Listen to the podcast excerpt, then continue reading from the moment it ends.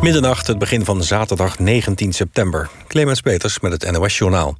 Het kabinet bekijkt wat voor mogelijkheden er zijn... om toch een kolencentrale te sluiten... om zo dit jaar aan de klimaatdoelen te voldoen. Dat schrijft minister Wiebes aan de Tweede Kamer. Nederland heeft drie kolencentrales. De minister wil die drie zelf laten onderzoeken... wat er voor nodig is om te stoppen. Het onderwijsveld reageert verdeeld op de nieuwe coronamaatregelen. De belangenorganisatie van de basisscholen is blij dat kinderen tot 13 jaar met milde klachten zich niet meer hoeven te laten testen. Volgens de organisatie kwam door het eerdere testbeleid de continuïteit van het basisonderwijs in de knel. Maar de Algemene Onderwijsbond voelt zich overvallen. Scholen hadden volgens de bond liever meer tijd gehad om te overleggen. Vakbond CNV zegt vooral blij te zijn dat er nu duidelijkheid is voor scholen. In Israël is een groot deel van alle bedrijven en ondernemingen de komende drie weken dicht. Ook mogen bewoners maximaal een kilometer van huis gaan, nu het land opnieuw in lockdown is gegaan. Israël heeft zo'n 46.000 positieve besmettingen en 577 mensen liggen in het ziekenhuis en zijn er slecht aan toe. En met dagelijks 5000 nieuwe besmettingen is het naar verhouding een van de zwaarst getroffen landen ter wereld. Ondernemersorganisaties VNO-NCW en MKB Nederland vinden de nieuwe horecamaatregelen van het kabinet te ver gaan. Het lijkt op schieten met een kanon op een mug, schrijven de organisaties. Omdat vaststaat dat de meeste besmettingen in de privésfeer plaatsvinden. En als je horecabezoek beperkt, neemt het risico op feestjes achter de voordeur alleen maar toe, zeggen de organisaties. Jan Smeets stopt als festivaldirecteur van Pinkpop. In een afscheidsbrief op de site van het Limburgse Muziekfestival... schrijft de 75-jarige Smeets dat corona hem parten heeft gespeeld. Hij kampte de laatste jaren al met gezondheidsproblemen. Het vaste team van Smeets gaat wel door met de organisatie van Pinkpop. Zelf blijft hij adviseur. En dit jaar ging de 51ste editie van het festival niet door vanwege corona.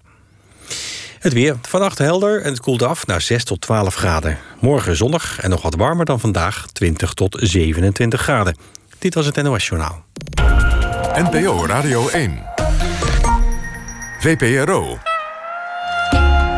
Nooit meer slapen.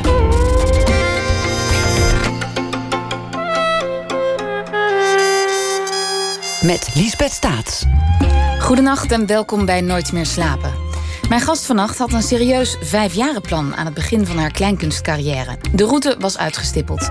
Maar nog voor die vijf jaar goed en wel begonnen waren, won het duo Jentel en de Boer al de jury en de publieksprijs van het Amsterdamse Kleinkunstfestival. En krap een jaar later werden ze gelauwerd met de Annie M. G. Schmidprijs voor het beste theaterlied. Ze werden vaste gasten bij onder andere RTL Late Night en cultuurprogramma Opium. Er volgden cd's en tournees met avondvullende voorstellingen Kortom, Jentel en de Boer werden door hun eigen succes ingehaald. Hun handtekening? Tragicomische teksten over grote onderwerpen die dan weer heel alledaags bezongen worden.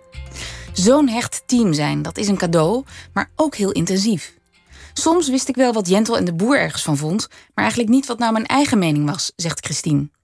Maar daar hebben we vanavond een heel uur voor. Want ze is hier alleen. Welkom, Christine de Boer. Dankjewel. Ik uh, las jullie, nou ja, cv klinkt een beetje raar, maar alles wat jullie hebben gedaan als duo. Acht jaar, want sinds 2012 zijn jullie samen. Ja. En jullie hebben nu een voorstelling uh, uitgesteld die eigenlijk nu gespeeld zou worden door corona. Ja. Toen dacht ik, nou, corona kan misschien ook een beetje goed uitkomen, los van alle ellende. Dat je even kan nou ja, pas op de plaats kan maken. Even kan nadenken over wat er eigenlijk allemaal gebeurd is. Die nou ja, zo heeft het wel gewerkt. Dan grappig genoeg hebben we die voorstelling twee keer uit moeten stellen. De eerste keer was al vanwege omdat we allebei zwanger waren. En toen hebben we hem dus al uitgesteld. En nu vanwege corona hebben we hem nog een keer uitgesteld. Dus we hebben flink pas op de plaats kunnen maken. En kunnen maar, nadenken? Ja, en kunnen nadenken. Maar dat levert, wel, ja, dat levert wel veel op. En grappig genoeg is wel zo dat we nu voor het eerst iets aan het spelen zijn wat we wat we twee maanden geleden bedacht hebben, zullen we dat gaan spelen. En dat vind ik ontzettend leuk en ontzettend bevrijdend eigenlijk. Dat merk ik. Nou, normaal gesproken als je een theatervoorstelling of een cabaretvoorstelling maakt, dan, dan bedenk je twee jaar van tevoren een titel en een poster. En dan begin je daar een beetje zo rustig over na te denken. En dan tegen de tijd dat je het gaat spelen, ja, ben je misschien al over dat onderwerp heen gegroeid. Of voel je er alweer eens anders bij. Of weet je wel, dan, dan moet je je weer verhouden tot iets van twee jaar geleden. En nu was eigenlijk voor het eerst dat omdat alles wegviel we dachten, oké, maar als er niks is, wat willen we dan? En, en wat er toen ontstaan is, is wat we nu aan het doen zijn. En dat, dat vind ik, dat levert me heel veel, geeft me heel veel energie. Dat vind ik heel leuk om te doen. Want dat is er gebeurd. Die grote voorstelling is uitgesteld. Ja. Dus nogmaals. Maar jullie zijn een soort tussenvoorstelling uh, gaan schrijven. Ja. En die heet uh, Kampvuursessies. Ja. En wat is het voor voorstelling? Kun je het vertellen? Ja, het is een, een voorstelling eh, we wilden iets maken wat heel intiem was, juist in deze tijd. Dus we dachten juist met heel veel afstand wilden we iets maken wat heel wat heel, eh, ja, heel, waarbij mensen het gevoel hebben dat je heel erg bij elkaar bent. En, en, en uh, kan lachen met elkaar om dingen. En elkaar kan voelen in de, in de ruimte. En toen dat, moesten we denken aan een kampvuur waar je omheen gaat zitten. En, en dat je een soort gevoel hebt van buiten dat kampvuur is, is een grote gevaarlijke wereld waar alles mis kan gaan. Maar wij zijn hier bij dat vuurtje ons aan het warmen. En hier, terwijl om ons heen de wereld kan vergaan. Kunnen wij hier met z'n allen samen zijn? Zo'n soort gevoel. Dus daar kwam het eigenlijk vandaan. En, het is een, een voorstelling met uh, oude liedjes uh, die we al langer spelen. En uh, nieuwe liedjes die eigenlijk vooruitblikken op, ons, op onze nieuwe cabaretvoorstelling die eraan komt. Ja. En moest je lang nadenken over welke teksten je dan ging schrijven in zo'n tijd als nou, waar we nu in zitten? Nou, we hebben niks nieuws geschreven nu. We hebben eigenlijk de nieuwe nummers die we, die we spelen nu... die hebben we net voor ons, uh, ons zwangerschapsverlof geschreven. En, um, voor die voorstelling die er nog gaat komen? Die voor die voorstelling die er nog gaat komen. Die dus al twee keer uitgesteld is. En het was wel zo dat, je, dat, je nu, dat we nu een setlist gingen samenstellen. En dat je dan opeens denkt bij heel veel nummers... jeetje, dat betekent iets heel anders nu. Of, oh daar sta je opeens heel anders bij stil of zo. Een, uh, een liedje wat gaat over dat het heel druk is op stations en dat mensen elkaar allemaal aan de kant duwen om de trein in te kunnen stappen. Dat is opeens. Opeens denk je, oh ja, dat was vroeger of zo. Dat is, dus dingen betekenen iets heel anders. En, en onze nieuwe voorstelling, um, dat heet Lacrimosa, dus dat moeten we nog weer af gaan maken. Dat komt er nog aan. Maar, maar die, die, dat, daarvan willen we een soort grootse opera, spektakel, cabaret voorstelling maken. En daarvoor zijn we ook het grote gevaar. En zijn we ook hele, ja, een beetje grootse onderwerpen aan gaan pakken. En hebben we bijvoorbeeld een lied geschreven over het einde van, um, het einde van de mensheid. Uh, dat op de dag dat dat gebeurt, dat mensen dat helemaal niet doorhebben. Dat iedereen allemaal, allemaal uh, ja, iemand is een, is een nieuw kledingstuk aan het passen. En dat zit eigenlijk te strak. Maar hij denkt van nou, als ik nou gewoon, als ik nou gewoon een maand op dieet ga, dan pas ik het toch. Dus dan koopt hij het maar op diezelfde dag vergaat de mensheid. Dus het is een soort ja, een, een tragicomisch ja, lied. Een anticlimax. Maar toen wij dat schreven, toen, toen ja, toen was het, alleen het gaat natuurlijk al een tijdje niet supergoed met de wereld, maar toen was het echt nog wel grappiger dan, dan nu. Nu dacht ik, oh ja, nu zijn mensen daar natuurlijk veel meer mee bezig, die onderwerpen. En dus, landt zo'n lied dan ook anders? Um, bij het dat weet ik niet, omdat het dus helemaal nieuw nee, is. Dus we ja. spelen het eigenlijk voor het eerst nu. Maar er wordt meer om gelachen. Ja, er wordt wel gewoon om gelachen. Maar ik denk wel dat de ondertoon harder aankomt bij mensen nu. Bij mezelf ook. Ik denk ook zelf. Wij zijn tijdens de, tijdens de repetities met name waren we zelf ook best wel emotioneel soms over, over dingen. Omdat, door corona? Ja, en misschien door het moederschap, maar, maar ook wel door, door corona. Doordat je toch wel meer stilstaat bij. Ik denk sowieso bij dat, dat in het theater staan. Dat, dat we heel dankbaar moeten zijn dat dat door kan gaan. Of zo. Ik had, toen we speelden uh, uh, twee weken geleden voor het eerst in, uh, in Carré. En ik, ik had me echt voorgenomen om niet te gaan huilen. Maar ik stond op de stoep en toen kwamen mijn ouders aanlopen. En toen zeiden mijn ouders: Ja, we zijn maar heel vroeg gekomen. Want, uh, want uh, ja, we waren bang dat we anders geen parkeerplek en dat we dan te laat zouden komen. En ze waren nog niet aan het eind van de zin of ik stond al te janken op de stoep. En toen dacht ik: Nou, laat dit het dan geweest zijn. En toen, toen liepen we op en toen begonnen we het eerste nummer te spelen. En toen begon ik ook meteen te huilen. Maar omdat het soort. Ja, ik, het maar gevoel, wat is dat dan? Een ontlading? Ja, of? Uh, ik denk een soort, inderdaad, een soort ontlading. Een soort, een soort ja, het feit dat we weer samen zijn. Dat dat weer, weer kon. Dat je zo de zaal in kijkt. En ik heb dat zo lang voor granted genomen. Dat is, bedoel, ja, tuurlijk. Wij allemaal natuurlijk. Maar het was mijn beroep. En soms was ik zelfs aan het klagen van... nou, al vijf keer spelen deze week. Poeh, ik ben kapot. En dan zit er weer zo'n zaal mensen of zo, weet je wel. En nu, uh, ja, nu realiseer ik me hoe bijzonder het is. En, en ja, ja, voel ik dan echt... voel ik ook hoe, hoeveel ik ervan hou van theater en, en van mijn beroep. Ja. Dat is een soort reunie voor jou. Ja. Met, met je beroep. Ja. Ja. Ja. Ik kan me voorstellen dat dat heel ontroerend is. Die extra lading die jullie teksten kregen door deze omstandigheden, die was er ook, las ik, uh, zei je, toen jullie zwanger waren. Want Jentel en de boer, dames en heren, waren tegelijk zwanger en hebben nou, met 2,5 uur verschil ja. een kind op de aarde gezet. Gebaard, ja. ja. Nou, dat is wel heel bijzonder. En het zegt ook wel iets over hoe close jullie zijn en over jullie, um, ja, nou ja, een bijzondere manier van samenwerken. Dat heeft niks met die zwangerschap te maken, maar het is wel heel bijzonder. Gaf zo'n zwangerschap ja, dat, dat zei jij. Zo'n zwangerschap geeft ook een soort nieuwe glans of een nieuwe blik op je oude teksten. Ja. Waar Ja. zit hem dat in? Ehm, ik denk als je moeder wordt, dan ga je, ja, denk ik, wat meer naar de toekomst kijken.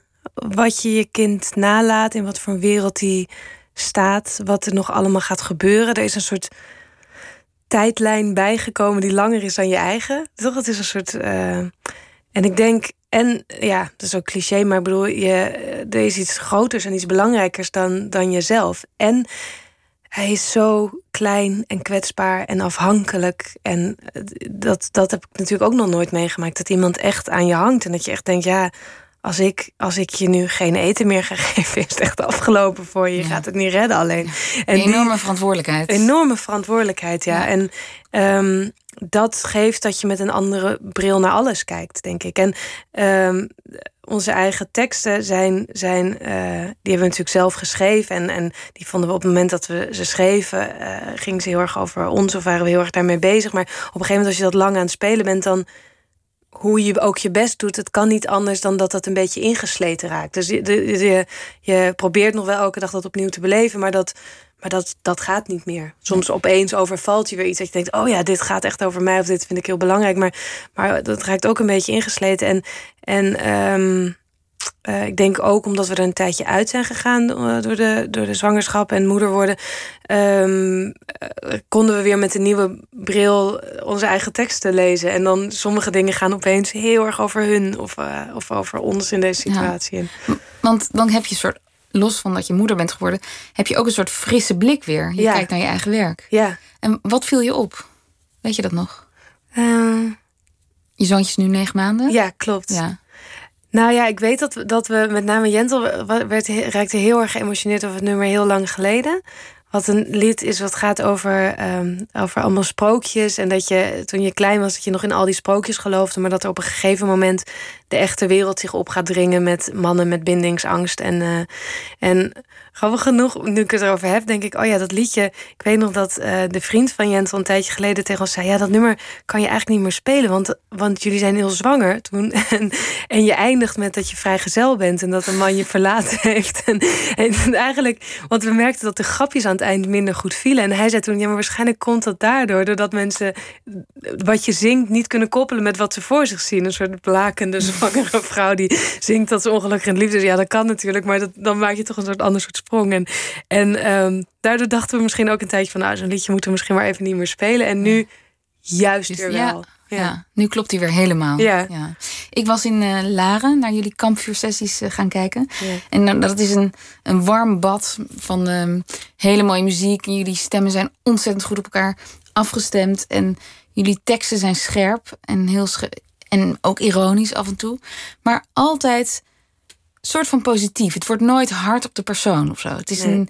Het is, nou, iemand schreef, ja, het- die voorstellingen die stralen allemaal liefde uit. Ah, En eh, daar ben ik het heel erg mee eens. En ik vroeg me af, in hoeverre is dat een bewuste keuze? niet. Ik denk dat het is, ja, dat het is waar we, we maken gewoon wat wij grappig vinden en wat we mooi vinden. En, eh, dus dat is niet een bewuste keuze, maar inderdaad later ga je er wel toe verhouden. Dan denk je wel, oh, dit is kennelijk wat we maken. Eh, willen we dat blijven maken of willen we iets anders? eh, maar eh, nee, dit is, ja, dit is denk ik waarin ons, ehm, ja, wat ons talent is, waarin wij het beste uitkomen. Dus nee, dat is niet een echt bewuste keuze. Maar ik Nee. ben er wel trots op. Als je dat zegt, denk ik wel, oh, wat leuk, wat Ja. fijn dat dat. eh, Ja, moet je zeker trots op zijn. ja. Maar ik vroeg me af, is dat dan iets waar jullie je in vinden of vonden toen jullie elkaar op de Kleinkunstacademie leerden kennen? Nee, ik denk we, we vonden elkaar vooral in. in ja, ik vond Jentel gewoon heel erg goed. En we zaten bij elkaar in de klas. En, en eh, je hebt, het is gefuseerd, de toneelschool en de Kleinkunstacademie. En wij hingen wel meer aan de kleinkunstkant. En je had ook mensen die echt meer aan de toneelkant hingen. En je had eigenlijk als een soort eh, extra vakken naast je normale vak had je tekstschrijven en compositie. Maar dat deed bijna niemand. Of mensen begonnen daar wel mee, maar hielden er niet echt van of hadden er geen talent voor. Dus dat, daar bleven eigenlijk maar heel weinig mensen over. En de enige die volgens mij elke week een lied afhaalden waren Jentel en ik. En eh, ja, dan ga je dus automatisch zullen we eens een keer een avondje organiseren. En eh, volgens mij, eh, ik heb nog, er zijn nog er is nog een optreden waarbij ik, dat was volgens mij in Bellevue in Amsterdam, dat was Christine de Boer solo. Met achter de piano Jentel Schieman. had ik haar ingehuurd als pianist en dat ze alle twee de stemmen deden. Maar dat is één keer gebeurd en daarna hebben we gewoon een duo. Oh, wat goed. Dat, zijn, uh, dat was de blauwdruk eigenlijk. Ja, ja, ja. En en dat tragicomische wat in, jullie. We gaan zo luisteren hoor, mensen, naar een lied. Want dat zegt het, vertelt het veel beter. Maar dat tragicomische, dat is heel erg jullie handelsmerk. Ik heb ooit een uitzending gezien van RTL Late Night. Daar waren jullie te gast. En jullie zongen toen over de actualiteit. Dat was een soort opdracht. Ja. Of jullie maakten een lied bij de actualiteit. En toen was er een van de onderwerp over wetenschappers ja. die um, zich bezighielden met het klimaat of andere grote onderwerpen. En die, weer, nou, dat, die brachten niet heel erg vrolijk nieuws altijd uit hun onderzoeken. Maar die werden daar zelf ook een beetje somber van, omdat niemand meer naast hen wilde luisteren en niemand naast hen wilde zitten op feestjes en partijen. Ja. En jullie vertelden van ja, nee, dat, dat vonden wij dus heel grappig, dus daar hebben we een lied over geschreven. Wat is het dan dat jullie daar meteen um, in raakt of zo. Waarom zien jullie dat tegelijk, dat dat grappig is? Mm, ja, het is gewoon een goed onderwerp. ik denk, ja, het is een... een uh, ja... Ik zou denken, als ik die krant lees... Oh, wat, wat, wat heftig. Och ja, 18, ja. weet je wel? Ja, maar je kan, je kan er wat mee. Je kan er een invalshoek, je kan er een eigen, uh, je kan er een eigen verhaal, een eigen wereld uh, bij bedenken. Um, van wie die man dan is en hoe dat dan, hoe dat dan verder gaat in dat leven. En daar zitten heel veel grapjes aan. Dat, dat voel je meteen of zo. Je denkt meteen, oh ja, dit, hier kunnen we wat mee. Ja. Je wilt ook, denk ik, altijd wel iets waar nog niet, wat nog niet bestaat of zo. Er zijn heel veel onderwerpen waarvan je denkt, oh, daar is al zoveel over gemaakt. Of dat is al zo. Uh, ja. Um, daar zijn al zoveel voorbeelden in of zo. En, zo'n onderwerp als dit, dat kende ik eigenlijk niet. En dan, dan nee, ik denk ook echt dat jullie de enige zijn die niet hebben zin in hebben. depressieve wetenschappers. ja, ja, ja. ja. En, uh, en ja, zo'n kleinkunstacademie gaat heel erg over je stem vinden, kan ik me voorstellen. Ja. Wanneer hadden Jentel jij het gevoel van, ja, dit zijn wij. Dit is onze handtekening. Um, ja, toen we, we moesten volgens mij in het... Uh, nou, ik denk dat we dat gevoel misschien pas echt hadden na school. Maar op school uh, gingen we ook al voorstellingen samen maken. En toen, ik denk in het tweede jaar, moesten, mochten we dan voor het eerst een eigen voorstelling maken. En toen hadden we iets van uh, zeven minuten, mocht dat maar duren. We hadden een heel klein voorstelling over twee vrouwen die in een supermarkt werkten. Ik moest de laatste vraag weer aan denken omdat ik het eigenlijk een heel goed plot vond. Het ging over twee vrouwen die in een supermarkt werkten. En die hadden een soort droom van... er moet toch meer in het leven zijn dan alleen maar dit. En toen eh, stalen ze een, um, een uh, Twingo, een gele Twingo. Daarmee reden ze naar Katzand. Oh, ze, ze, ze, ze, stalen al het geld van de supermarkt. Ze, en ze stalen de auto. Je zegt stalen, ja? toch? en toen reden ze naar Katzand. En toen kwamen ze in Katzand achter dat ze, dat, ze, dat ze het helemaal niet leuk vonden daar. En dat ze eigenlijk een oude leven mis. En toen gingen ze terug.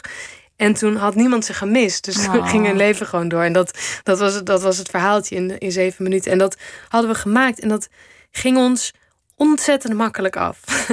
en toen Jullie snapten die vrouwen meteen? Ja, ja. En we vonden het heel leuk om te spelen. En we hadden dat eigenlijk zo geschreven. Maar we vonden school allebei niet per se makkelijk, de toneelschool. We waren best wel... Ja, we waren echt niet per se nou de hoogvliegers van de klas. En we vonden best wel... Ja, veel vakken dacht ik, oh, is het nou goed wat ik doe of niet? En ik was eigenlijk de hele tijd ook bang om van school gestuurd te worden, dat ik niet goed genoeg was. En weet je, dus we waren ja zo. En toen hadden we dat gemaakt en toen werd dat heel goed beoordeeld. En toen dacht ik, oh, maar dit is heel makkelijk. dus ik denk dat dat het moment is dat we dachten... en grappig genoeg hebben we dat, kunnen we dat nog steeds hebben. Dat de dingen die ons, maar ja, is ook logisch... de dingen die ons het makkelijkst afgaan... dat we dan die worden altijd heel erg opgepikt. Want dat vinden mensen dat heel goed. En denken, oh, zo simpel zo is het, het eigenlijk. Maar ja, ja, dat is natuurlijk gewoon als iets... Dat, dat, dat kan je ook niet alleen maar gaan doen of zo. Maar ja. En, en wat dacht je dan dat je moest doen in die jaren? Op de toneelschool? Ja. Wat dacht, je er, wat dacht je dat er van je gevraagd werd? Ja, ik was veel meer bezig met. Ik wilde voldoen aan de norm. Ik wilde, denk ik. Ik dacht dat het, dat het ingewikkelder moest zijn. En intelligenter, artistieker. Ik dacht dat ik naar toneel op Amsterdam moest willen gaan. En dat ik dat moest kunnen. Wat die acteurs konden. Terwijl ik dat helemaal niet. Nee, dat was helemaal niet mijn. Uh... Want zag je dat wel om je heen? Eh, mijn klasgenoten. Ja, zeker. Ja, ja, ja, die hadden, ja, die hadden, ja, er waren wel, ja, we, we hadden een hele diverse klas, hele goede klas ook wel. Uh, maar heel divers. Echt mensen die die, die veel meer zo barreland of die hoek in wilden. Uh, uh, en je had mensen die meer, ja, meer teksttoneel wilden. En dan had mhm. je meer. Elise Schaap zat bij ons in de klas bijvoorbeeld. Dat was echt een een heel, heel leuk iemand. Ja. Een comedienne, maar die heel veelzijdig talent. En um, ja, en dan waren Jentel en ik denk ik wel de liedjesschrijvers van de klas. Maar dat, ik denk dat we pas aan het eind of pas na school ons echt realiseerden dat dat genoeg was. Dat we dat gewoon konden gaan doen. Dat dat, dat dat leuk gevonden werd. Ja. Er zit heel vaak in jullie teksten een, en die gaan soms over grote onderwerpen, over een kindertijd, een perspectief waarin al de wereld heel anders lijkt. Um, nou, over de laatste dag van de mensheid, uh, zoals je net vertelde. Maar altijd herken je een soort heel klein detail en dat detail tovert dan een glimlach op je gezicht. Uh, ja. En dat, is dat inmiddels iets wat een automatisme is? Dat jullie zo naar de wereld kijken en dat er altijd zo'n tekst uitkomt? Nou, wat wel zo is, wij schrijven niet, uh, niet vaak. Wij schrijven alleen als we schrijven. wij zijn niet mensen die met een uh, notitieboekje rondlopen en denken... Ingevingen nee, opschrijven. Nee, misschien zouden dat wel moeten doen. Ik weet het niet. Ik heb ook geen ingevingen. Maar wij zijn wel heel. Nee, echt niet. Het is niet dat ik hier vanavond wegga en denk: oh, nou, ik heb daar. Geïnspireerd van het Mediapark, ja. Nee, nee. Maar, maar we zijn wel heel uh, gedisciplineerd. Als we dan dus een schrijfperiode hebben, dan gaan we gewoon zo zitten om uh, negen uur s ochtends, tien uur s ochtends, weet ik wat. En dan, en dan gaan we gewoon praten met elkaar van wat zijn uh, goede onderwerpen. En dan wel vaak in de aanloop daar naartoe hou je een beetje je zintuigen open. En dan gaan we eigenlijk in eerste instantie heel erg schematisch te Gaan we echt, wat is een goed onderwerp? Overkoepelend. En dan daaronder, wat, waarin kan je dat opsplitsen? En als je dan een onderwerp voor een liedje hebt, dan gaan we bijna, ja, gaan we eerst dat helemaal uitpraten voordat we beginnen met schrijven. Van wat, wat zijn de hoeken die we in kunnen gaan? Hoe moet het eindigen?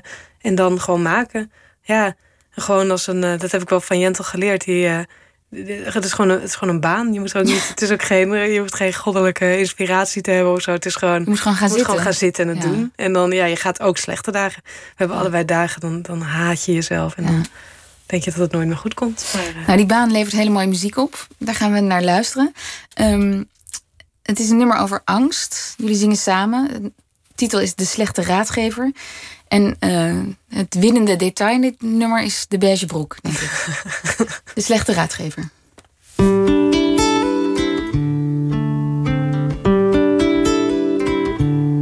De slechte raadgever komt op bezoek. Het is een korte man, een beige broek. Hij heeft een dunne snor, een centenbak. De zak.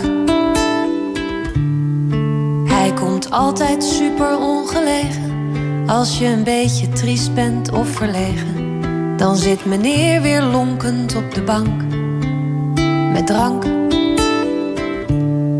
Hij zegt dat je niet al te hoog moet reiken, omdat je klein bent, dat zal zeker blijken. Dat je beter in je bed kan schuilen om te huilen. Bang voor elke lange nacht, bang voor iedereen Bang voor wat ik zelf bedacht.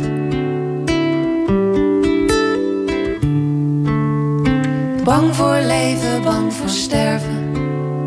Bang voor breken, bang voor scherven. Bang om steeds te blijven zwerven.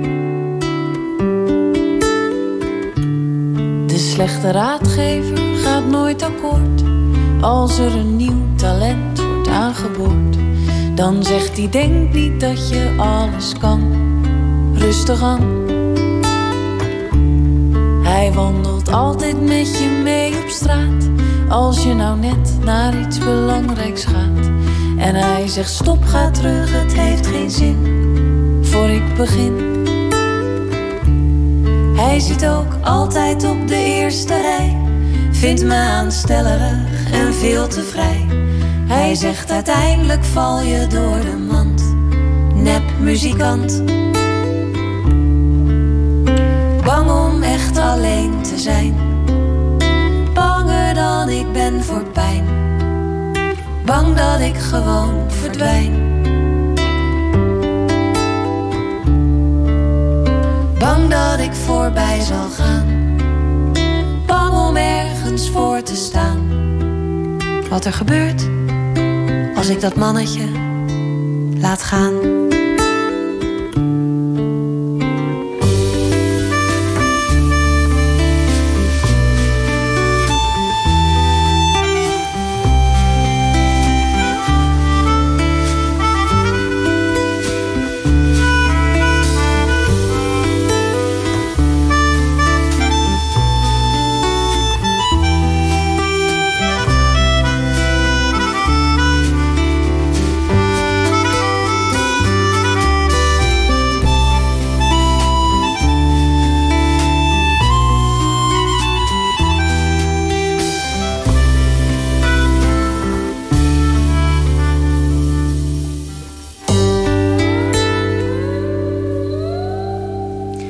Slechte raadgever van Jentel en de Boer, hoorde u.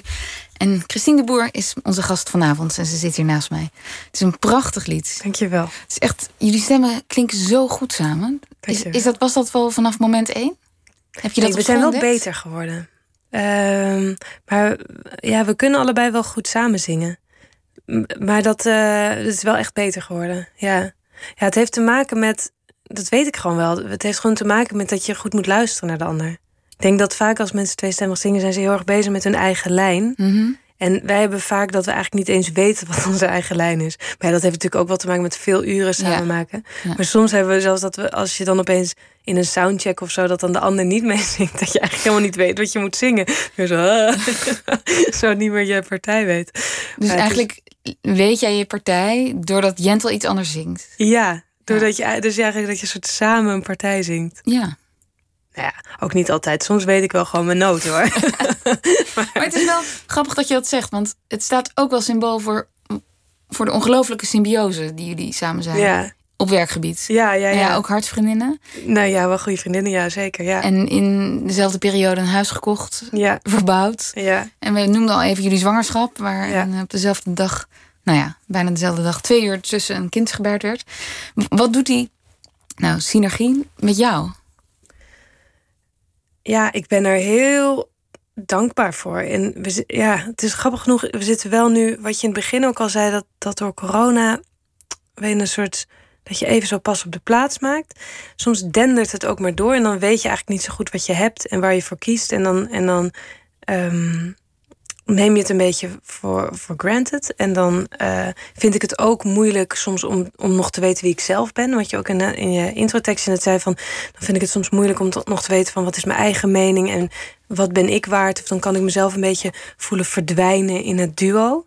En ehm, nu zitten we in heel goed vaarwater. Ik, ik, ik heb echt ik heb een soort van, ik weet niet, ik hou meer dan ooit van haar. Omdat we, omdat we zo, ja, misschien even pas op de plaats hebben gemaakt. En weer opnieuw die keuze hebben gemaakt van, ja, we, we, doen dit. We gaan weer door. En, ja, we gaan weer door en we willen dit samen doen. En we, eh, het is evident dat we, dat, dat we weer samen de theaters in gaan. Ja. En dat we nu alsnog elke dag bij elkaar zitten van, wat gaan we nu doen? Waar, waar hebben we zin in? Wat gaan we Ja. maken? Wat, eh, Want zo'n verplichte time-out had natuurlijk er ook toe kunnen leiden dat jullie dachten, nou, het is tijd voor iets anders. Ik moet Ja. mijn eigen Nou, pad het, volgen. het gra- grappig genoeg heeft dat het op bepaalde vlakken ook wel gedaan. Kijk, als je altijd maar doorgaat, dan. We zijn ook op sommige vlakken met andere mensen samen gaan werken, bijvoorbeeld. Of, of eh, we hadden een, een regisseur gevraagd voor een voorstelling.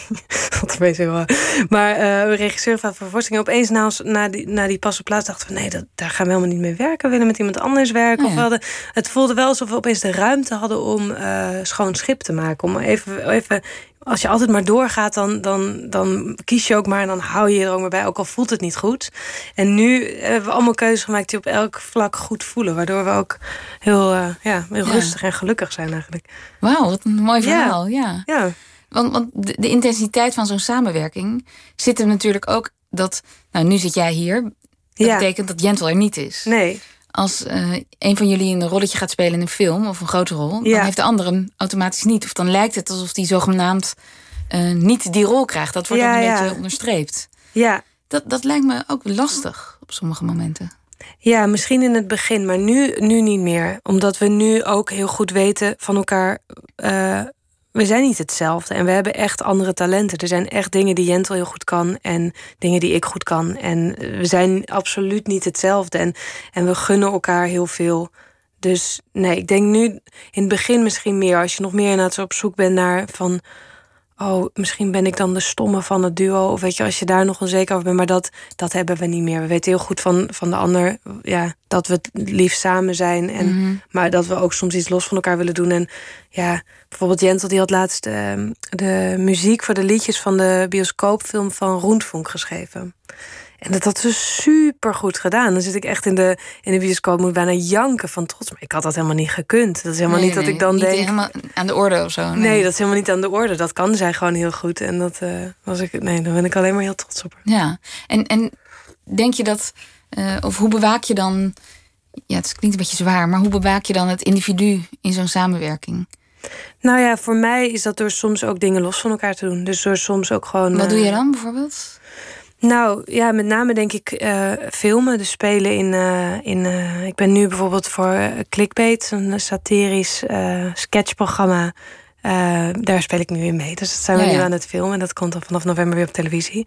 Uh, en dat vind, ik, dat vind ik super leuk. Dat vind ik heerlijk. En dat is ook wel leuk omdat, je, omdat, omdat ik zo gewend ben om de karttrekker te moeten zijn. Of zo, weet je, omdat het ons eigen duo is. Is het opeens heerlijk om in iets van iemand anders te stappen. En oh, dat je gewoon niet verantwoordelijk bent. Voor niet verantwoordelijk bent. En gewoon je krijgt een script opgestuurd. En, en je gaat dat dan, uh, dat dan gewoon doen. Maar dan dan merk ik ook dat er een heel ander, andere kant van mij aangeboord wordt. En dat ik dat heel prettig vind. Kijk, als je een duo bent, ben je toch altijd de tegenpol van de ander. Hoe je het ook went of keert. Dus als, dus als, uh, ja, als, als de een heel goed kan, uh, kan uh, componeren. dan, dan ga je dat zelf automatisch minder doen. Omdat je toch denkt, ja, ga jij dat maar doen. Of als, als de een heel snel, snel met grapjes is... dan word je automatisch de ander die wat rustiger daarmee is of zo. Dus, en da daardoor ik denk net als in liefdesrelaties of zo, dan uh, komt ook altijd een bepaalde kant van ja. je uh, bovendrijven. En, dat, en als je een goede relatie hebt, dan is dat een kant van jezelf die je leuk vindt.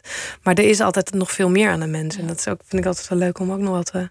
Ik las in een oud interview dat Jentel over jou zei: Ja, Christine is meer de ondernemer van ons.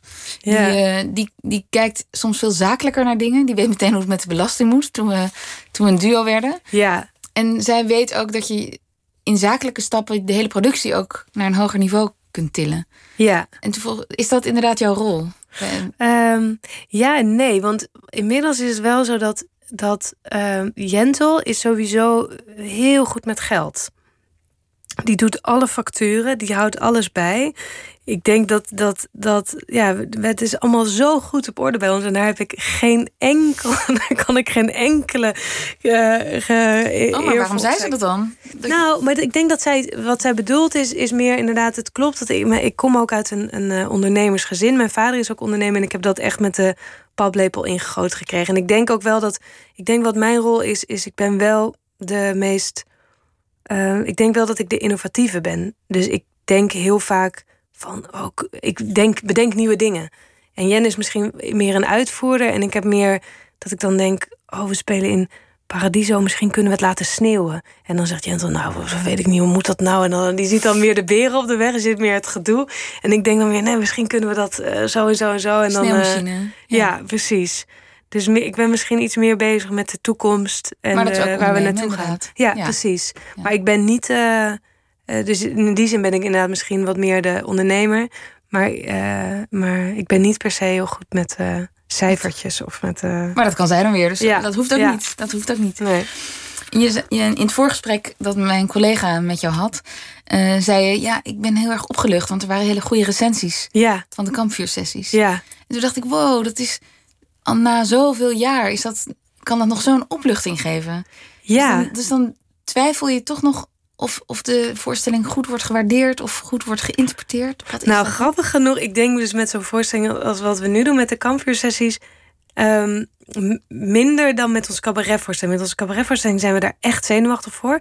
Maar dat komt ook omdat je dan denk ik echt een half jaar er bijna aan het maken bent. En aan het schrijven en een decor. En dan moet alles samenkomen. En, en ja, we doen nu alleen liedjes. En stom genoeg gaat ons dat gewoon het schrijven van liedjes gaat ons toch gewoon wel makkelijk af. Dus, dus daarvan weten we gewoon ook wel iets beter. Ja, dat kunnen we wel goed of zo. Ja. Daar hebben we inmiddels wel een soort zelfvertrouwen jaar, over. Uh, volle zalen, ja. Ja, dus dat. dat um, in die zin was ik dan, ben ik dan niet verbaasd dat het goed gevonden wordt. Maar het is heel fijn omdat, nou ja, we hebben deze voorstelling twee maanden geleden bedacht. Laten we kampvuursessies gaan maken. En zijn we deze voorstelling in elkaar gaan zetten. En en we hebben er helemaal geen rekening mee gehouden dat het, dat het ook gerecenseerd zou worden. Normaal ben je daar veel meer mee bezig. En nu. Maar wat um, dacht je dan? Dit is gewoon een soort um, voorstelling voor het publiek. Ja, we spelen het ook maar. We spelen het nu nog uh, vier, vijf keer of zo. En dan is het weer afgelopen. Dus nou, we hadden daar niet zo bij stilgestaan. En ik heb ook wel afgesproken met iedereen die zakelijk om ons heen zit... dat ik het niet wil weten als er recensenten zijn. Omdat ik daar wel echt zenuwachtig van word. Oh, ja? En daar dan, ja, dat kan er wel tijdens de voorstelling dan wel heel erg mee bezig zijn. Dus ik heb nu gewoon afgesproken, ja, iedereen is altijd welkom. Maar ik hoef dat niet uh, te weten. Ik hoef dat niet te weten, want dan nee. ga ik daarmee bezig zijn. Dat heeft toch geen zin. Maar dus, goed, jullie gingen ook naar Carré. Dus de kans dat daar dan... Daar gingen jullie in première. Ja, dus, dus de kans dat daar iemand zat, was er natuurlijk wel. Maar ik was daar niet zo mee bezig. En ook misschien omdat de aanloop dus zo kort was, was ik daar niet echt mee bezig. En toen daarna, en ik had al helemaal niet erop gerekend dat het de Volkskrant was, wat ik. Uh, Mag ik dat zeggen? Ja, toch? Natuurlijk. Ja, ja. ja. dat het de Volkskrant was, wat ik, wat ik uh, qua recensies ook wel echt een hele uh, belangrijke en krant die ik zelf ook lees. dus daar was ik nog extra blij mee. En toen, ja, dat, dat, dat daar. En ik vond echt dat het een heel mooi, goed geschreven recensie was. Waar ik, waarvan ik echt dacht: oh, hij heeft echt begrepen wat we aan het doen zijn. En dat, uh, dat ja, dat is heel fijn, als je voelt van het wordt, het wordt begrepen. Het is ook wel eens anders geweest dat je denkt: oh ja, nou ja, het is niet begrepen. En dan, en dan was het uh, ook positief? Of? Ja, maar ook wel negatief hoor. Ja, je, ja, dus je haalt natuurlijk altijd de negatieve dingen eruit. Maar ja, wel dat je, dat je denkt: oh ja, we hebben iets geprobeerd, maar dat, dat is, niet, uh, is niet overgekomen. Nee. En wat je, voor, wat je net vertelde op de Kleinkunstacademie, dat je vaak het gevoel had van: Goh, zit ik wel op het goede spoor en word ik hier niet weggestuurd? Wegens, ja. Uh, nou ja, ja maar ik ben ziekelijk uh, echt niet oké okay qua zelfbeeld en qua Nee, mijn vriend wordt daar ook wel vaak boos over. Dat ik echt eh, nodig in therapie moet. Omdat ik zo slecht. Ja, ik heb gewoon een heel slecht zelfbeeld. Inmiddels gaat dat iets beter. Maar ik ga er in principe altijd vanuit dat, dat ik niet goed genoeg ben. dat is gewoon mijn basishouding. En dan uh, alles wat erna komt, valt mee. Ja. Maar ik vind dat zo grappig. Want, um, want dat hebben heel veel mensen. Dat kan gewoon in het karakter zitten. Of ervaring. Maar dan denk ik, nou ja, dan is het toch logischer dat je ergens achter een matglazen deurtje de administratie gaat doen op een, een klein Ik denk het juist niet. Volgens mij zijn juist karakters heel. Um, heb je altijd beide in je. Want, het, want, want ik las een keer dat, het, dat mensen die het meest onzeker zijn of daarmee bezig zijn, ook ergens het gevoel hebben dat ze de, het meeste in zich hebben. Dus dat ze denken van, ah. oh, maar ik, ik zou zoveel kunnen. Of ik, ik eigenlijk ben ik heel groot. heel groot, maar het wordt niet gezien. Of dat er zo'n soort uh, ja, spagaat. spagaat zit. Ja. En geldt dat voor jou? Ehm, nou ja, ik ben ook denk ik wel heel perfectionistisch. Ik denk wel dat dat, ja, ik denk wel dat dat samen gaat. Maar het is inmiddels niet meer zo. Wat ik, wat ik ook net zei, ik weet inmiddels echt wel wat ik, wat ik kan. Um, het is, dat is niet meer zo erg, want dat was echt op de toneelschool nog wel veel erger. Maar het is wel iets waar ik in terug kan vallen. Ja, of als ik heel moe ben, of als ik. Uh, ja. En wat denk je dan? Ja, dat, ja dat, dat ik niks kan. Dat het, niet, eh, dat het niet, ja, niet goed genoeg is. Of dat, ja, dat anderen het allemaal veel beter doen. Of dat, dat, uh... Maar wat grappig, want als je zo samenwerkt met één vaste partner, ja. dan merk je wel aan die partner of dat goed is of niet. Ja. ja, nee, maar, ja, nee ja, dus, ja, misschien is dat ook wel een reden waarom ik het prettig vind om in een duo te zijn. Nou, ja, weet niet. Ja, Jentel is gewoon is wel, is wel veel uh, steviger dan ik of zo. Die is, die is wel veel, die, die weet veel beter wat ze kan en wat ze, wat ze wil. En uh, uh, die heeft het misschien soms van mij weer wat meer nodig dat ik er, dat ik er daaruit trek of zo om de mhm. grenzen te verleggen of wat meer. Maar die, ik kan heel erg op haar leunen in dat het soms ook gewoon goed genoeg is en dat het soms ook gewoon. En is dat gekomen op de toneelschool of was je dat als kind ook al? Mm, ik denk dat ik dat als kind ook al wel was. Ja, ik denk het wel. Je omschrijft jezelf een beetje als de clown van jullie gezin. Ja. Uitkwam. En wat voor gezin was dat? Ja, een groot gezin. Um, ik had een, uh, heb, een, heb hele lieve ouders die morgen 45 jaar getrouwd zijn. Mm. morgen vieren. Vandaag al? Ja. Ja, vandaag al. We zijn er al. Ja. Gefeliciteerd, ouders Dankjewel. van Ja. ja, en wat we dus echt door de corona nu ook echt niet oh. echt gaan vieren, maar wel een beetje zo op afstand. Nou goed. Maar uh, nee, dus uh, en mijn vader is een, uh, is een ondernemer uit bruggenbouw. En een waterbouwkundige, weg- en waterbouw. Dus die, die weigert met pensioen te gaan. Die is nu 72.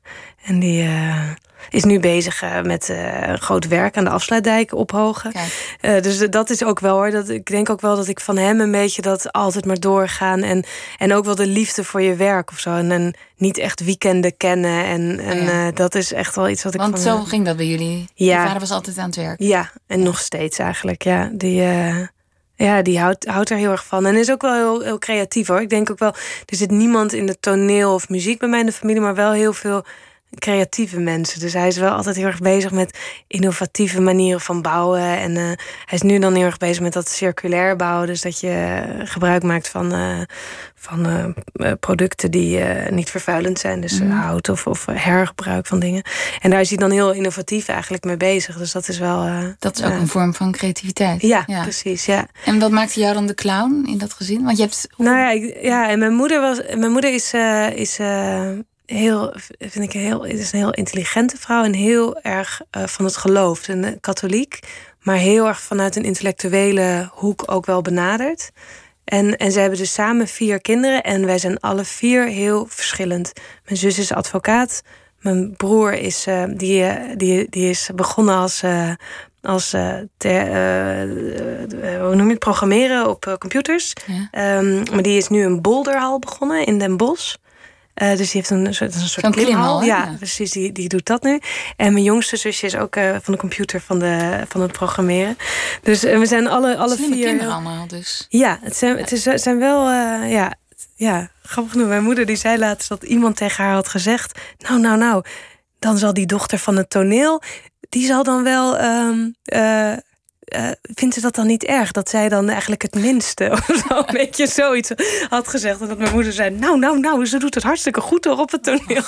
maar dat, ik, dat ik een beetje zo dan de, de domme van het gezin van het gezin was geworden. Maar, maar ik probeer nog erachter te komen hoe jij als clown in dat ja, gezin ja, ja. Um, ja. Waarom had je die rol aangemeten? Um, of was, werd er gewoon ja? De, de, dat lag me. Ik denk als kind merk je denk ik waar je om gewaardeerd wordt. En dat was bij mij al heel snel, denk ik, om de toneelstukjes en de grapjes en de muziekjes maken. En dan als je daarom gewaardeerd wordt, dan, dan ga je dat denk ik ook vaak inzetten. Um, daarbij was ik ook wel de enige met dat talent in, in de familie. En, um, uh, en ja, het kon er soms wel fel aan, aan toegaan. Ik denk dat, dat ik kan niet zo goed tegen spanningen of als mensen boos zijn op elkaar. Dat, dat, uh, daar kan ik niet zo goed. Uh, daar kan ik niet zo goed tegen. Dus dan had ik altijd. Dan kwam ik erachter dat ik eigenlijk met een grapje de angel eruit kon halen. En dan deed ik dat. Dat doe ik nog steeds wel veel, denk ik. Oh ja. Want, want zo'n spanning, dat waren dan puberruzies of gewoon je ouders? Ja. Ja. Ja, ik weet eigenlijk niet. Mijn ouders hadden eigenlijk nooit ruzie met elkaar. Ik weet wel dat mijn, er waren veel gesprekken over het geloof. Want mijn moeder is een gelovig en mijn. Ben je ook gelovig opgevoed? Ja, nou ja, mijn ouders hadden een beetje afgesproken dat totdat de kinderen zelf konden beargumenteren waarom ze niet geloofden en niet naar de kerk wilden, tot die tijd mocht mijn moeder ons katholiek opvoeden. Maar dit is dus voor ons allemaal een moment geworden dat we beargumenteerd hebben waarom we niet meer meegingen. En dat was best wel lastig voor mijn moeder geweest zijn. En daar waren denk ik ook wel gesprekken over. Want ja, je gaat natuurlijk ook altijd wel ik, nu bewonder ik haar eigenlijk ook heel erg in, in haar geloof. En ook al geloof ik dat zelf niet. Maar, maar er zijn ook wel tijden geweest dat ik dat dan dom vond geloven of zo. Mm Weet je, mhm. als puber ga je daar. En daar, daar konden dan wel spanningen over ontstaan. Dan stond mijn moeder wel heel alleen daarin. Ja. Uh, Want hoe oud was jij toen je kon beargumenteren waarom je ja, Dat weet ik niet meer. Ik denk wel jong, maar het, erg was het begon natuurlijk eigenlijk vanuit luiheid dat ik gewoon niet meer mee naar de kerk wilde. Uh, en ja, of ik nou ooit echt geloofd heb. Ja, ja ik denk als kind wel, maar ja, nee. Het, het maar in de katholieke kerk is ook veel muziek. Ja, maar dat was niet goed hoor. Dat nee? was altijd, nee, dat was, dat was altijd. Uh, had je van die, van die, en dan stond iedereen in zo'n bank en dan had je zo'n boekje en dan moest je zo meezingen. En, en uh, dat was nooit zo goed wat mensen daar deden. Oké. Maar volgens mij was ik wel, maar dat zou ik eens aan mijn moeder moeten vragen, maar daar wel een beetje zo begonnen. Dat toen zo'n kerkkoor had gezegd van nou wil Christine niet eens meedoen. En dat ik toen dan de hoofdrol in het kerkstuk kreeg of zo. En dat ik dan een engeltje mocht spelen. Maar toen was ik heel klein. Dus dat, oh, dat, dat, ik heb daar wel wat gedaan. Maar... Ja, het, is, het was niet genoeg om jou binnen te houden. Nee, nee. nee. Um, je, jullie succes, wat ik uh, in de introductie noemde, kwam snel. Jullie werden ook eigenlijk vrij snel omarmd door mensen als Paul de Leeuw, Mike Baudet, Cordant Maas. Ja. Dat lijkt me zo'n, op papier lijkt dat een droomstart. Ja. Van, van jullie carrière. Ja. Is dat zo? Ja, dat was wel echt zo. Alleen, ik denk wel dat wat, wat er daardoor gebeurd was. We waren eigenlijk inderdaad echt net begonnen. En toen, uh, toen wonnen we de Annie G. prijs En dat, ik denk dat dat ook toen gonste het misschien al een beetje. We waren wel heel erg zo. Ja, dat, dat ging wel een keer gebeuren of zo. En toen wonnen we die prijs en toen ja, toen gebeurde dat. En toen, uh, toen werden inderdaad zo op Twitter... en Joep van het Hek had ons getweet... en Jochem Meijer en zo. En ik, dat, ik vond dat heel leuk. Maar dat zijn natuurlijk de leuke dingen. Maar de, het alledaagse leven, dat was... Wat ik ook in eerste instantie heel leuk vond, dat was gewoon dat al onze voorstellingen opeens uitverkocht waren. En dat we naar grote zalen en dat we bijgeboekt werden. En op een gegeven moment waren we zes, soms zeven keer per week aan het spelen. En door het hele land. Ja, en wat ook nog niet zo heel erg is, waar het niet dat we op dat moment nog echt best niet zo'n heel supersterk fundament als duo hadden. Dus we, we, wisten helemaal nog niet hoe we elkaar kritiek moesten geven. Of hoe we om moesten gaan met als de ander een beetje zagrijnig was. Of, uh, of weet je en ook met onze, onze voorstelling, hoe we die uh, gaandeweg beter konden gaan maken of zo. Dus dat, dat durfden we allemaal helemaal niet. En, en um, dus ik denk, die, die, die periode heeft ons ook wel veel gekost. En ik zou dat zeker niet als de gelukkigste periode van mijn leven omschrijven. Integendeel. Ik denk naar het einde van die tour toe... Uh, ja, gingen we daar allebei best wel bijna aan onderdoor. Dat we dat echt niet... Oh ja? Uh, ja, ja. En, want je zegt, ja, we moesten heel hard werken. Want we speelden, nou, hoeveel ja. voorstellingen. En in ieder geval de hele week door. En je wordt bejubeld. Maar je bent zelf nog er niet helemaal uit. Kan ik dat dan zo samenvatten? Ja, nou ja, ik was er ook niet wel klaar voor eigenlijk.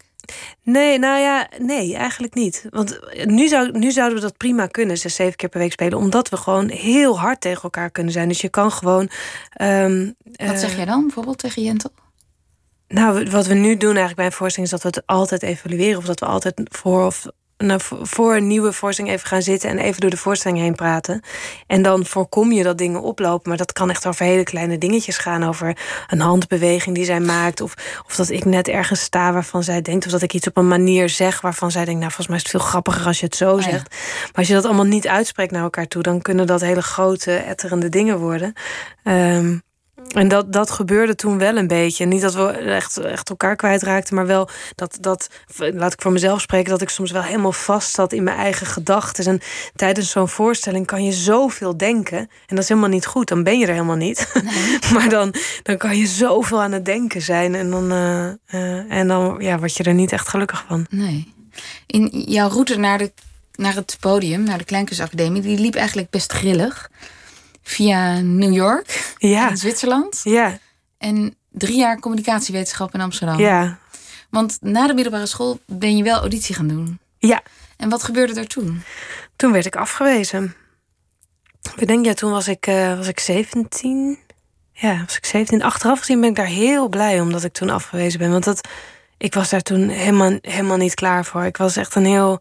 Ja, nee, ik was zo beschermd nog en jong nog. En en ik denk sowieso dat het beter is om naar toneelschool te gaan als je net iets meer ook weet wat, wat je daar te zoeken hebt of zo, wat je, wat je wil leren. In plaats van dat je denkt dat je alleen maar als doel hebt, ik wil daar op school komen en daarna zien we wel verder. Maar dat vind je Uh, nu? Maar hoe, hoe was dat toen? Ja, toen uh, vond ik dat heel erg, want dat was wel echt mijn toekomstdroom. Dat was alles wat ik bedacht had en dat wilde ik gaan doen. En uh, maar ik was totaal geïntimideerd door die wereld en ja, ik, ik, ik denk dat ik toen ergens ook wel opgelucht was dat ik niet was aangenomen. Want ik vond die audities ook verschrikkelijk doodeng. Ik was een soort muurbloempje, denk ik. Weet je nog wat je deed op die auditie? Ja, ik zong volgens mij uh, Geen Kind meer van Karin Bloemen. Wat iedereen zingt. En een monoloog uit een monologenboek had ik opgezocht. Wat ook iedereen doet volgens Geen mij. kind meer op je zeventiende. Ja, snap je? Nee, daarom. Dus dat was, uh, ja. En toen ging je Engels leren in New York. En Frans ja, in dus toen ik afgewezen was, toen had ik eigenlijk geen plan. En toen dacht ik, nou dan uh, ga ik naar het buitenland. En toen, uh, toen heb ik inderdaad Engels gedaan in New York en Frans in Zwitserland. Ja. ja. En toen kwam ik terug en toen dacht ik, nou, oh, we gaan lekker naar Amsterdam en uh, communicatiewetenschap studeren. Weet je, zo'n studentencabaret, studentenwereld ingegaan. En toen, nadat ik dat, na twee jaar, toen. Uh, en ik was eigenlijk, ik was nauwelijks met mijn studie bezig. Ik was eigenlijk vooral met liedjes schrijven en, en, en optreden bezig. En, en toen na twee jaar zei een goede vriend van mij, zei. Je moet gewoon nog een keer iets doen. Je gaat jezelf altijd voor je kop slaan. En hij had het, had het formulier al voor me uitgeprint. En toen dacht ik, ja, inderdaad. En toen heb ik eigenlijk vanaf het moment dat ik dat formulier opstuurde... heb ik eigenlijk geweten, ja, dit ga, dit, ik ga aangenomen worden nu. Oh, echt? Ik ga dit doen. Ja. Toen was er een blakend zelfvertrouwen Ja, dus. soms is dat er opeens. Soms weet je gewoon, dit is mijn pad. Ja, dan moet het nog allemaal natuurlijk maar zo lopen. Maar dat, toen klopte dat heel erg. En achteraf gezien ben ik daar, ben ik daar heel blij om. Ook ik kwam toen bij Jentel in de klas. En ik wist toen gewoon veel beter wat ik, wat ik Wat wilde. wilde. Ja. En je kon er ook meer. Ja. Maar misschien, omdat je net vertelde, ja, ik vond het ook altijd heel eng. En ik dacht, wat, wat doe ik hier? ja. Misschien kwam dat ook wel omdat je dacht, ja, ik moet het nog extra bewijzen. Dat ik hier echt hoor. Omdat ik al een keer afgewezen ben. Eh, nee, ik weet wel dat ik nog vaak tijdens de opleiding heb gedacht... als ik nu opnieuw auditie zou moeten doen, weet ik niet of ik aangenomen zou. Ja, maar dat zijn echt dat zijn zulke rare gedachten. Dat slaat helemaal nergens Nee. op. Maar, Nee. maar ja, ik vond het zo'n eh, eh, mythische plek, de toneelschool. Het was echt, ik vond dat een soort Hogwarts, een soort, soort eh, Harry Potter school. En al die docenten, dat waren allemaal van die figuren. Ja, ik vond, ja, ik vond dat, eh, ja, ik wilde daar heel graag zijn. En ja, ook wel, ja, nou ja. Zo, en zou je het aanraden, mensen? Is het een opleiding die je Het is heel erg veranderd. Ik zou eigenlijk niet weten hoe het nu is. Er is een andere, andere schoolleiding gekomen. En volgens mij is de kleinkunstkant ook op een wat lager pitje komen te staan. Ik weet het eigenlijk niet zo goed. Maar de opleiding die ik gedaan heb, zou ik iedereen wel. eh, ja, ik zou, ja, ik weet het eigenlijk niet. Trouwens, als je nu toneelschool doet, het is. De, ja, er was al veel wegbezuinigd, maar er is nog meer wegbezuinigd. En ja, het is nu, als je nu afstudeert, zeker nu midden in corona, is, is het, zijn het echt zware tijden. En dat, dat zeiden mensen al toen ik naar de toneelschool ging, maar dat is Maar dus niet te vergelijken. niet altijd als mensen Ja. naar de toneelschool gaan? Ja, maar ik zou het nu echt niet weten. Nou ja, nee, het zal vast wel. Ik hoop dat het allemaal wel weer beter wordt, maar het lijkt me nu, ja, Zware tijden. ja. Ik noemde jouw vijfjarenplan toen Ja. begonnen. Dat vond ik ook heel zakelijk eh, klinken. Ja? Zakelijk. Maar de titel van dat vijfjarenplan was wel weer heel grappig. Haal Jentel uit het vet. ja, klopt. Want Jentel werkt in een cafetaria. Jentel werkte in een, in een cafetaria. Ja, ja, het was eigenlijk meteen na school kwam ik in eh, de musical van Oranje terecht. En dat was dat was de eerste cast, dus dat was net begonnen. En dat was nog maar de vraag natuurlijk of dat... Of dat Die eh, mega-productie in die megaproductie in Valkenburg, ja. En dat was allemaal, ja, dat was allemaal maar de vraag. Maar goed, in ieder geval, ik had daar een, een, eh, een, eh, een half jaar contract, denk ik. Nou, uiteindelijk heb ik daar twee jaar rondgelopen. En in de tussentijd ehm, had Jentel zat eigenlijk ook een beetje te wachten op mij. We hadden ook wel afgesproken, we gaan dingen samen doen. Dus we waren wel naast Soldaat van Oranje al wel wat dingen aan het opstarten. Maar, maar, ehm, maar ik was daar natuurlijk, ja, ik speelde daar ook zeven voorstellingen per week. En toen had Jentel een bijbaantje bij de VU in Amsterdam. eh bakte ze kroketten voor de lunch. En toen eh, we hadden ze zelfs een keer dat ze, dat ze... Oh, dat was zo erg. Toen hadden we s'avonds hadden we een voorstelling gemaakt... voor het Fringe Festival in Amsterdam. En dat speelden we... Dat was een soort nachtclub. En dat speelden we tot diep in de nacht. En toen waren we... Ik denk dat Jentel misschien om drie uur in haar bed lag. En toen de volgende om zeven uur moesten we weer kroketten bakken in, eh, in de VU. En toen kwam er iemand langs die haar voorstelling had Nee. gezien. Ja.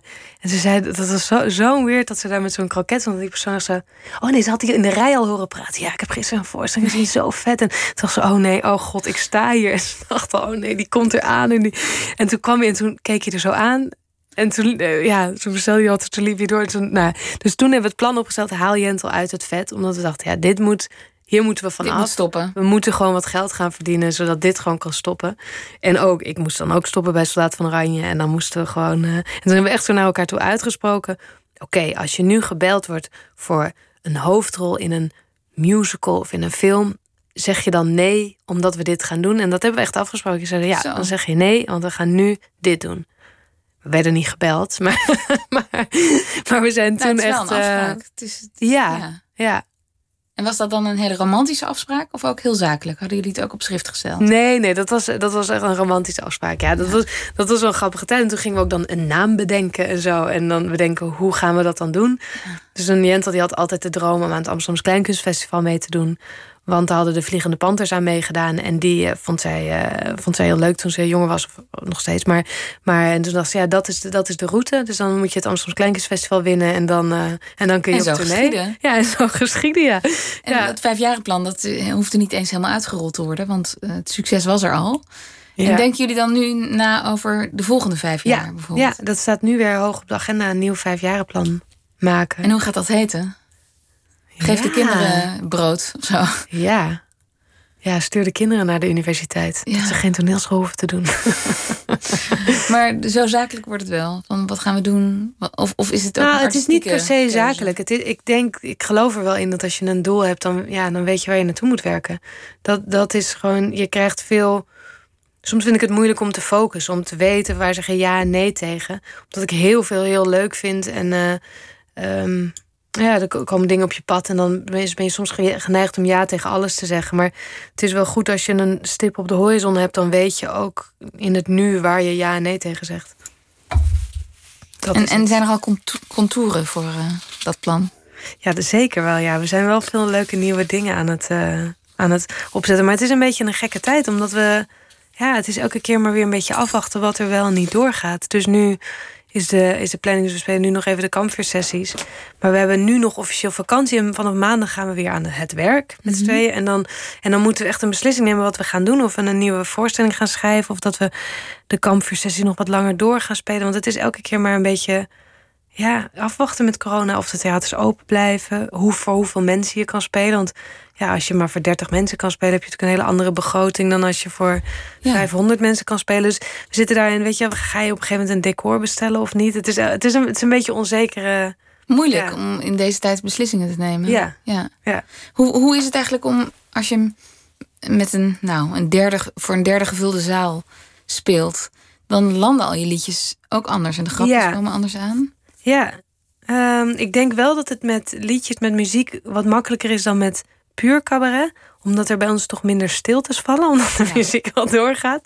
Maar eh, ik denk dat het als cabaretier wel echt eh, Hard werken is. hard werken is, ja. Ja, dat dat wel lastig is.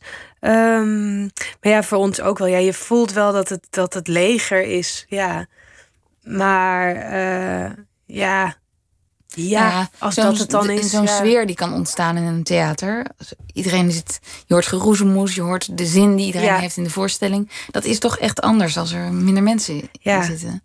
Ja, je hebt een theater in, ehm, in eh, Vlissingen. En dat is ook een bioscoopzaal. En die, ehm, daar, daar staan dus, eh, staan dus die, dat dempt. Want in bioscoopzalen heb je dus van die, van die dempende muren. En toen was het dus we, traden daar op, maar toen hoorden dus van de, van de directeur daarvan dat het eigenlijk een heel groot probleem was, omdat mensen dus minder lachen, omdat ze elkaar niet horen. Dus dat het eigenlijk heel stil werd en dat, het, en dat je het op het podium dus ook niet echt hoorde, de lach.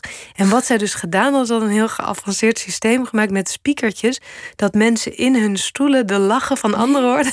en dat wij de lach op het zijtoneel ook op speakers hadden. Omdat dat dus inderdaad zo zo niet werkte. Nee. eh, dat, dat, dat, is, nou, dat was nog voor onze eigen voorstelling. Maar eh, Nou, eh, ja. Zo belangrijk is een volle zaal dus. Ja. Laten we hopen dat het snel weer gevuld is. ja. Voor publiek en artiest. Dankjewel Christine de Boer. Heel fijn dat je er was. Dit was Nooit meer slapen voor deze week. En dit programma is ook terug te luisteren als podcast. Maandag komt Felix de Rooij langs, kunstenaar en film- en theatermaker. Hij speelt een van de hoofdrollen in Boulado, de openingsfilm van het Nederlands Filmfestival. Dat maandag en ik wens u nog een heel goede nacht.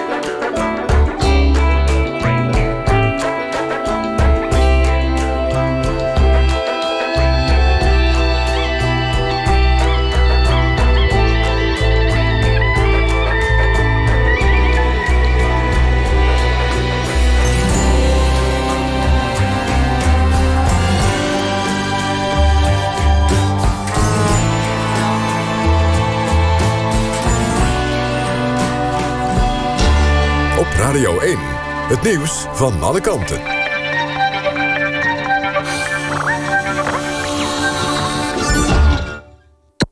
NPO Radio 1.